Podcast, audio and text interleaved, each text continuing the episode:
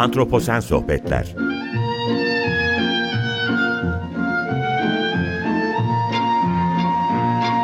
Hazırlayan ve sunan Utku Perktaş Merhaba, iyi akşamlar herkese. Antroposen Sohbetlere hoş geldiniz. Ben Utku Perktaş. Bugün e, diğer konularımızda olduğu gibi ilginç bir konu konuşacağız ama benim için daha da önemli bir konu çünkü kendi ilgi alanım içerisinde önemli bir eser üzerine konuşacağız. Daha önce Darwin'le alakalı programlar yapmıştım ama Darwin deyince de belki anlamışsınızdır. Darwin'le alakalı konuşacağız. Ama bugün Darwin'in en önemli eserlerinden birisini konuşacağız. Türlerin kökenini.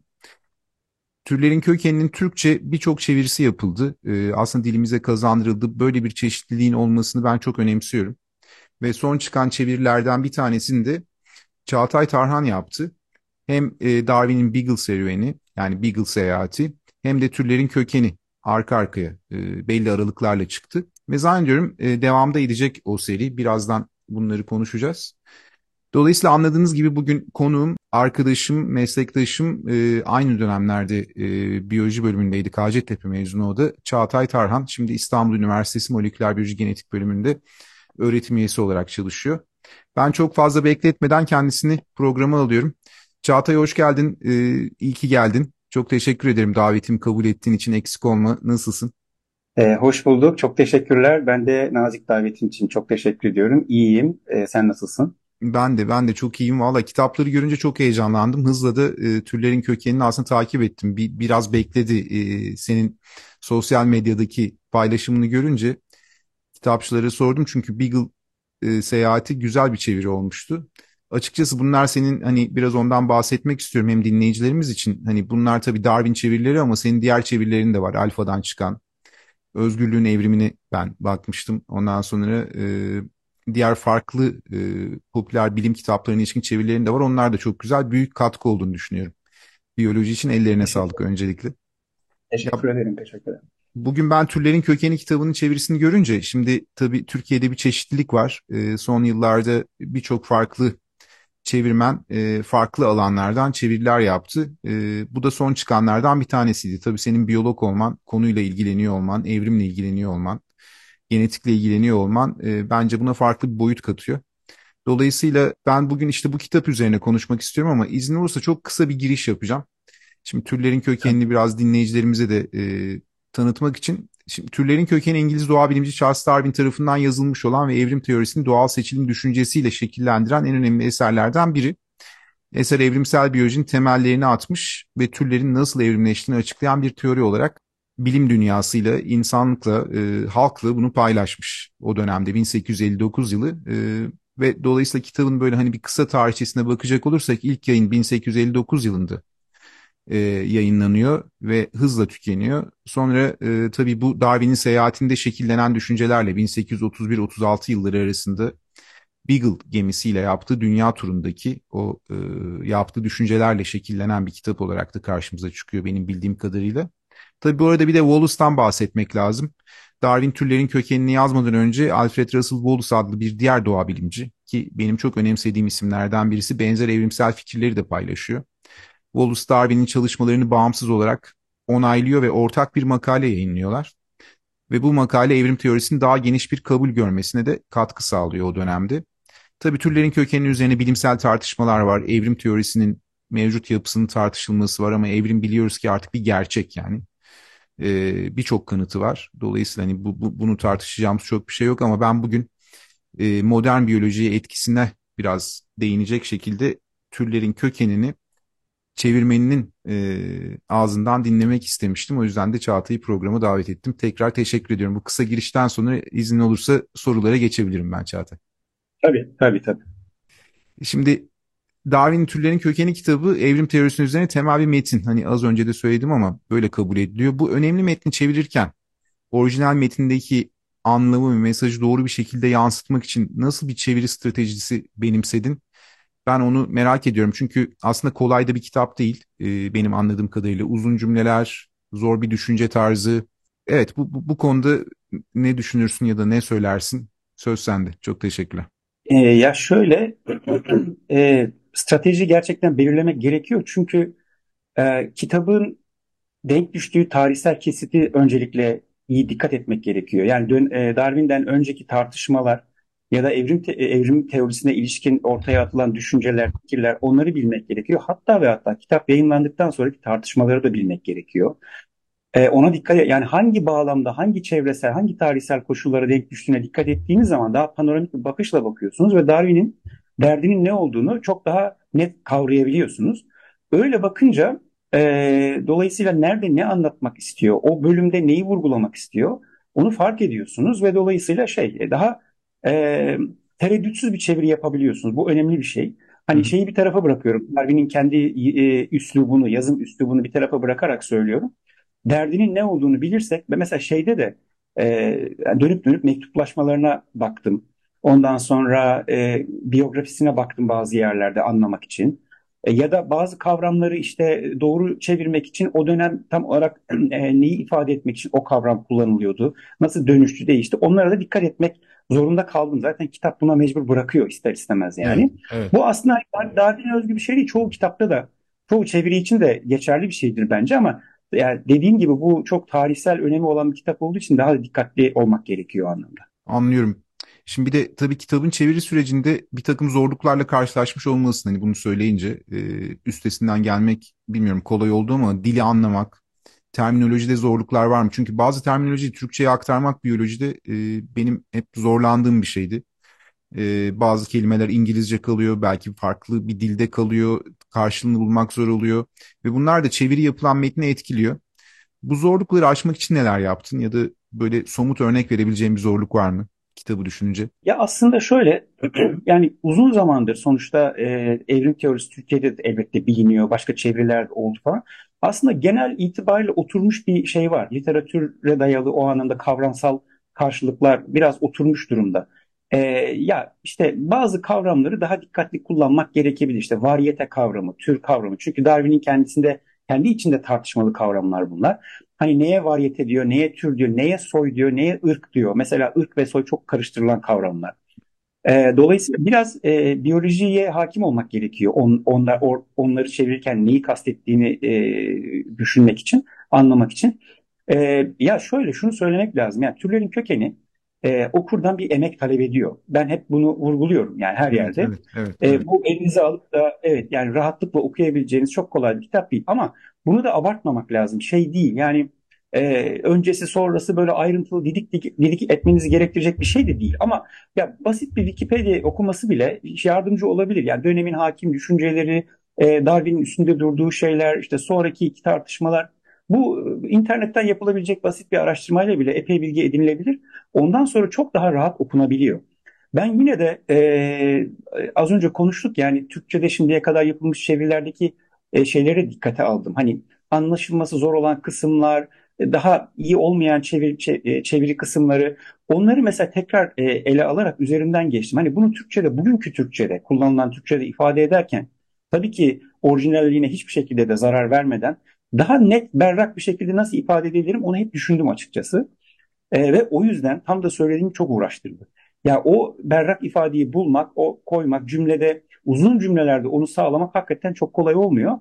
Ama yani bu kitabın hakkında vermek lazım. O sorumluluk üzerimizde var hepimizin biyologlar olarak. E, dolayısıyla e, o şekilde elimden geldiğince halletmeye çalıştım. Şeyi de söyleyeyim yani Darwin mesela kendi e, kitabın ilk şeyinde girişinde falan şey der mesela. Bu diyor kusurlu bir yapıttır diyor. Bundan hiç kuşkum yok diyor. Hataları vardır, çıkacaktır, şu bu falan. Dolayısıyla kendisi kendi kitabı için bunu söylerken bir çevirmen de kendi çevirisi için elbette kusurları olacaktır demesi lazım. Yani o da ayrı bir konu tabii. Çok güzel, çok güzel. Ya, ya yine de eline sağlık yani her şeyde sonuçta büyük emek bu.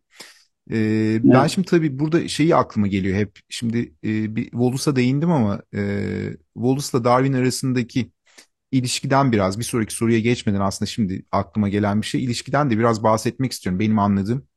Şimdi Wallace Darwin'i bayağı benimseyen ve kollayan bir yapı sergiliyor galiba. Bu ikisi de birbirinden bağımsız bir şekilde doğal seçilimle alakalı bir fikri benimsiyorlar ama temel fark zannediyorum Darwin türlerin kökeninde biraz daha bireyler üzerinden giden bir seçilim mekanizmasından bahsederken doğru muyum burada yine ben sana soracağım onu. Wallace popülasyonlar üzerinden bir e, yorum yapma yoluna gidiyor galiba kendi düşüncesinde temel fark bu oluyor değil mi? E, evet evet. e, evet. genel olarak. E, evet. Evet. Bir yandan da şey var. E, Darwin'de e, yıkıcı mücadele daha başat konumda mesela Wallace'a göre. Yani hmm. Darwin o hayatta kalma mücadelesinin e, Wallace'a göre daha çetin bir şey olduğu vurgusunu çok daha fazla yapar mesela Wallace'a göre. Wallace'da ise şey daha belirgin. E, yani benim takip edebildiğim kadarıyla e, işte uyumsuzların elenmesi süreci aslında bu. İlla ki böyle bir ciddi müsabaka vari bir şey değil de ki Darwin bile o kadar öyle bir şey den bahsetmez, kavga dövüşten bahsetmez ama hani vurgu daha çok o yönde. Aralarındaki temel farklılığın bu olduğunu söyleyebilirim. Bir de tabii şey var yani Darwin'in şey farklılığı da var. Teorinin ötesinde Darwin'in kendi geldiği toplumsal katman sınıfla Wallace'ın geldiği e, katman sınıf ve dünyaya bakışları o anlamda farklılık arz ediyor. Wallace daha sosyalisttir, işte daha yoksul bir aileden gelmiştir. Evet. Kendi kıt olanaklarıyla Malay takım adalarına gider falan filan. E, Darwin ise önünde böyle bayağı bir yollar açılır, kapılar açılır. Çok rahattır o anlamda yani. Böyle bir farklılık da var. Onu da söylemek lazım. Ya ben şeyi çok görmek istiyordum. Darwin'in evini İngiltere'de. Neyse geçtiğimiz aylarda böyle bir fırsatım oldu.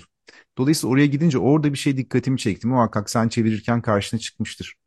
Ee, bunu daha önce antroposen sohbetlerde bunun üzerine küçük, küçük bir program yapmıştım, anlatmıştım ama Karl Marx Darwin'e kapitali imzalayıp gönderiyor ve e, size hayranlıkla diye veriyor.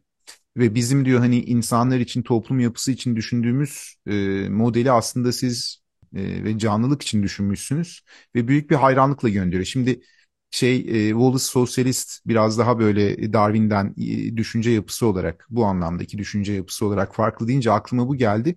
Darwin benim anladığım kadarıyla aslında Marx'tan da çok haz eden bir insan değil ama Kapital e, onun kütüphanesinde imzalanmış bir şekilde duruyordu bu şekilde. E, etkileyici bir şeydi. Yine burada da bilmiyorum doğru muyum sana soracağım. E, çünkü o düşünce yapısı farklı. Darwin çok e, Marx'ın fikirlerini benimseyen bir insan değil galiba. Tabii tabii değil. Hiç hiçbir alakası yok. Hatta e, çok kayıtsız yani. O konular aslında kayıtsız. Taraftarlıktan öte kayıtsız yani. Pek bir alakası yok. Zaten e, mektup yazdığı zaman diyor ki yani kitabınız çok güzel. Eminim ki bizler e, hep bilgi e, bilgiyi arttırmaya yönelik şeyler yapıyoruz ama konunuzla hiç alakam yok diyor. Zaten e, kitabı e, say, açılmamış sayfaları var kitabın. Yani hiç bakmamış yani kitaba. E, o kadar uzak ki e, Marx'ın yazdıklarına e, o bakmamış. Anlamayacağını da biliyor. Dolayısıyla Anladım. öyle bir şey var ama Marx da Darwin için şey der mesela. Engels'e yazdığı mektupta şey der. E, e, ya işte kaba İngiliz biçimiyle yazılmış olsa da muazzam bir kitap falan diyor mesela yani böyle. O da hani o bizim konuştuğumuz o yazım biçiminin farkında yani. Güzel. Şimdi ben hep şunu düşündüm yani bir sonraki soruya geçeceğim şimdi. Charles Darwin'in e, dil ve yazım tarzı bu kitapta önemli bir rol oynuyor büyük ihtimalle. Çünkü farklı. İngilizcesine bakıyorum ben farklı versiyonlarını yani birinci baskısını da görme şansım olmuştu Amerikan Doğa Tarihi Müzesi'ndeyken. Şimdi uzun cümleler kurduğu çok açık. Yani bir düşünceyi uzun cümlelerle çeviri yaparken vermek anladığım kadarıyla senin dediğin gibi okuyucunun bir emek sarf etmesi gerekiyor. Ama herhalde çevirmenin çok daha fazla bir emek sarf etmesi gerekiyor bunu yaparken. Çünkü bir de alıp o dili Türkçe'ye uyarlamak var ve o fikri temiz bir şekilde aktarmaya çalışmak var. Ben senin kitabını henüz bitirmedim ama gördüğüm kadarıyla keyifle okunan yani bu anlamda e, tabii konunun içindeyiz biraz ama e, benim akıcı olarak e, şey yaptığım, kabul ettiğim bir dille yazılmış. Bu anlamda çok güzel. Şimdi orijinal metindeki bu dil ve üslubu Türkçe çeviri sırasında nasıl yorumladın ya da aktarmayı? Yani bu konuda aslında biraz önce sordum. E, biraz tekrar soru gibi oldu ama bu Darwin uzun cümleleri hakkında ne düşünüyorsun? Öyle söyleyeyim. Şöyle düşünüyorum. Onun böyle uzun, uzun cümleler kurmasının nedeni e, uzun düşünmesi aslında. Yani e, kılı kırk yararak çok temkinli, çok titiz, bir yargıya varırken defalarca kontrol eder, çeşitli kaynaklardan doğrulatmaya çalışır falan, olgulara yaslanmaya çalışır ve işte bir sürü çevresel etmenler, içsel etmenler her şeyi sıralamaya çalışır ve tüm bunların hepsini bir arada vermeye çalıştığı için o cümleler uzar da uzar. Yani o anlamda öyle. Ama her çevirmenin işte bir kitap çevirirken yaşadığı zorluktur. Bir yandan orijinal üsluba bağlı kalmakla kendi dilinin olanaklarını e, e, ya da anlaşılmasını kolaylaştıracak şekilde ifade etmek arasında hani bir e, ikilemde kalır e, bir çevirmen. Yani ben çevirirken ikisi arasında salınmak durumunda kaldım. Kimi zaman e, orijinale sadık kalmanın belli yerlerde Türkçe'ye çok da hani zorlamadığı durumlarda olduğu gibi bıraktım. Ama kimi yerlerde mesela anlaşılmayı ya da akışı kolaylaştırmak için bazen mesela uzun paragrafları bölebildim mesela yani. Hani bu tür şey değişiklikleri yap, yapabildim. E, hiçbir şekilde tabii ki orijinal düşünceye fikre zaten zarar vermiyor ama e, tabii, okumayı, tabii. anlamayı çok kolay tabii, müdahaleler onlar. Olmak zorunda yani. Ya çevirmenin işi yazardan kimi zaman daha zor. Çünkü e, çevirmen belli ölçüde hem düşünceye sadık kalacak hem de bunu temiz bir şekilde hani e, o dilin okuyucusuna aktaracak. Dolayısıyla ben hep e, çok önemsemişimdir bu işi. Yani kolay bir iş olduğunu düşünmüyorum. Senin çevirin 6. baskıdan galiba. Yani son baskıdan. Değil mi? Bu Edward Wilson'ın ilk baskı. İlk baskıdan. Ha pardon. Edward Wilson'ın ön söz yazdığı ilk baskıdan. Ha tamam çok güzel. Şeyi soracaktım çünkü. Toplam 6 baskı yapıyor ve genellikle de 6. baskıdan çeviriler bizim karşımıza çıkıyor bildiğim kadarıyla. Yani şimdiye kadar çıkanlar. Şimdi evet, Darwin şöyle bir şöyle bir e, ha ona dikkat edeceğim şimdi okurken ben de. E, Descent of Man'i yazdığında zannediyorum Origin of Species 1871 yılı Origin of Species'de 5. baskı yapacak. Yalnız o ilk 5 baskı da Origin of Species'in içinde türlerin kökeninde şeyi kullanmıyor Darwin. Evrim kelimesini, evolution kelimesini kullanmıyor. Ve ilk ilk defa Descent of Man'de girişin işte ikinci sayfasının ilk paragrafının sonunda evrim kelimesini kullanıyor. Evolution geçiyor. Sonra da beşinci baskı yapıyor Origin of Species ve evrim kelimesi oraya da giriyor İngilizce evolution kelimesi bildiğim kadarıyla. Şimdi bu baskıda evet. mesela evrim kelimesi yok ama bu evrim kelimesinden yokken doğal seçilim üzerine yazılmış bir kitap ama bu evrim düşüncesini nasıl veriyor? Ee, bir bunu soracağım. Ee, yani bu evrimle alakalı düşünceyi hani bu kelimeyi kullanmadan e, nasıl e, organize ediyor? Bu konuda dikkatini çeken bir şey var mıydı? Yani aslında Darwin'in e, vurguladığı, üstünde durduğu şey bireysel farklılıkların, bireysel varyasyonların e, tür farklılıklarına nasıl yol açtığını doğal seçilim mekanizması aracılığıyla o bireysel varyasyonların belli popülasyondaki türleşmeye gidişe nasıl e, aktığını e, açıklamaya çalışıyor. Dolayısıyla genel şimdi evrim dediğimiz zaman çok daha panoramik genel bir süreçten bahsediyorsunuz. Darwin ise bunun içine girerek o mekanizmaları kurarak daha mekanistik ilişkileri ilişkiler üzerinde durduğu için o varyasyonlardan türleşmeye doğru gidiyor. O yüzden çok da ihtiyaç hissetmiyor. Şey e, değişikliklerle türeyiş kavramını kullanıyor mesela. Ha, Ki değişikliklerle tür, değişikliklerle türeme e, tam da e, şeyin evrim, e, türlerin kökeninin şeydir, kalbidir aslında yani. Bütün hmm. hikaye onun üzerine kuruldu diyebiliriz. Değişikliklerle evet. türeme. Yani bir e, ortak ata var. Evet ama sonra ne oluyor? Varyasyonlar şu ya da bu nedenle varyasyonlar ortaya çıkıyor. E, değişiklikler ortaya çıkıyor. Dolayısıyla bundan da türeme ortaya çıkıyor. Popülasyon zamanla farklılaşarak. O yüzden e, olayın kalbi budur. Pek de evrim lafını kullanmaz ama sonraki yıllarda o 10-20 sene boyunca artık bu e, kendisinin de engelleyemeyeceği biçimde şey yayıldığı için, evrim lafı yayıldığı için evet sonradan dahil etmek durumunda kalıyor yani. Peki şey Çağatay şeyi de tabii merak ediyorum. Onu da not almıştım. Bu altı tane baskı arasında temel farklar neler peki? Yani hani birinci baskıdan altıncı baskıya doğru giderken zannediyorum çeşitli düzeltmeler oluyor, e, eklemeler oluyor, muhakkak oluyordur e, her bir baskıda. Ya en temel farklar ne oluyor? Yani nasıl bir e, burada bir tekamül var? Yani kitabın evrimi nasıl gerçekleşiyor baskılar arasında? Ya şöyle e, açık kimi yerlerde örnek sayısını arttırıyor. Belli bir kanıya varmışsa e, ona dair örnek sayısını arttırabiliyor. A, açıklayıcı birkaç cümle araya serpiştirmiş olabiliyor. Vurgu kaymaları oluyor. Yani daha önce başatlığı belli bir e, çubuğu belli bir yöne bükmüşken öyle değil. Sonraki baskılarda onu hafifletip başka yöne doğru çevirdiğini görebiliyorsunuz. Ama bunu dediğim gibi yani az önce söyleyeyim konuştuğumuz gibi daha zaten kitabın ilk baskısının girişinde bu kitap hiç kuşku yok ki kusursuzdur ve değişecektir, gelişecektir falan diyor mesela.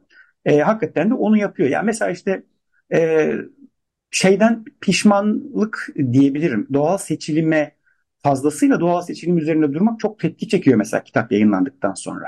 Hani insanlar neden sadece tek bir mekanizma olarak doğal seçilimden bahsedildiğine itiraz ediyorlar. Güçlü itirazlar ortaya çıkıyor. Sonraki beşinci baskıda yanlış hatırlamıyorsam bir ön sözünde şey yazıyor. Yani ben diyor doğal seçilim yanında başka mekanizmaların da varlığından bahsediyorum ama diyor bir türlü bundan kurtaramıyorum diyor. İnsanlardaki bu yargıdan kurtaramıyorum diyor mesela. E, bu tür müdahaleler var o baskılar arasında. Ya mesela şeyde ilk ilk e, baskılarda e, işte e, primer var şey genel olarak doğal seçilim varyasyonlar üzerinden işler. Bunu anlatıyor mesela. E, varyasyonları ortaya çıkaran bütün etkenleri anlatır ve doğal seçilimin bu varyasyonlar üzerinden işlediğini söyler. Sonraki baskılarda bakıyorsunuz o varyasyonlar primer ve sekonder varyasyonlar falan diye çeşitlenmeye başlıyor. Mesela doğal seçilim bu her ikisi üzerinden işlediğini falan söylemeye başlıyor. Bu anlamda nasıl diyelim önce kaba bir yapı ortaya çıktıktan sonra sağını solunu tıraşlayıp böyle daha keskin hale getir, getiriyor diyebilirim kitabı o altı baskı boyunca kendi yaşam içinde. Anladım, anladım. Çağatay ağzına sağlık. Çok teşekkür ederim. Ben e, burada e, bir kitaplar da şimdi burada açıkçası ikisi. E, birisi Beagle yolculuğu, birisi Türlerin Kökeni. Tabii dinleyicilerimize e, kitaplar ayrıntı yayınları etiketiyle e, çıktı. Bunu da söyleyeyim. E, ve çıkmaya devam edecek. Değil mi? O yani Edward Wilson'ın kutulu olan versiyonundan e, dört Aynen kitap öyle. bir arada olacak. E, ve İnsanın bence türeyişi olacak. Ee, Evet. İnsan ve hayvanlarda duyguların ifadesi olacak. Evet, evet. İki kitap daha gelecek. Emotions and Expressions of Animals and Human Beings galiba değil mi? O da psikoloji kitabı Evet. gibi. Evet. Bunlar Aynen da öyle. çıkacak. Ama tabii ben şeyden de hemen bahsetmek istiyorum. Türlerin kökeninin tabii farklı baskıları basıldı. Çağatay'dan önce de e, Bahar Kılıç e, bu seriyi Alfa yayınlarından yayınlamıştı. Yine ben onu da çok önemsiyorum. Alan dışından bir çevirmen olarak zannediyorum Bahar Hanım diş hekimiydi ve yine güzel bir çeviriydi o da benim gördüğüm kadarıyla. Sonra Kesinlikle. e, aynı yine bölümdaşımız Ergin Deniz Özsoy e, o en son Hasan Ali Yücel serisinden o bayağı hacimli bir şey çıkardı ama o- Kültürden, evet. evet, evet İş Kültür İş Bankası'ndan İş Bankası Kültür Yayınları'ndan o da e, dipnotlarla çıkardı.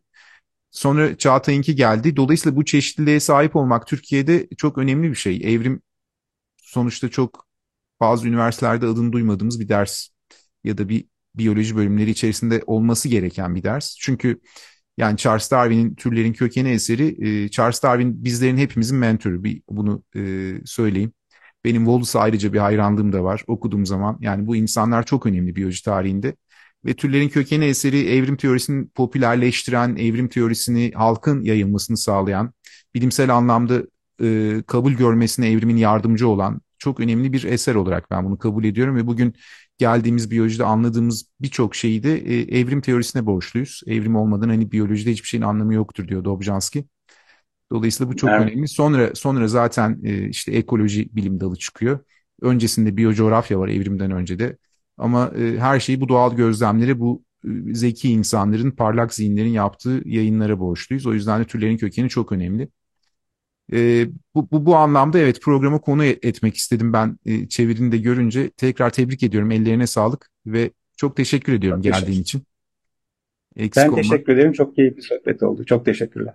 Çok teşekkürler. Ben bu vesileyle dinleyicilerimize de iyi akşamlar diyorum. Önümüzdeki haftalarda Antroposen sohbetlerde tekrar buluşmak üzere. Hoşçakalın.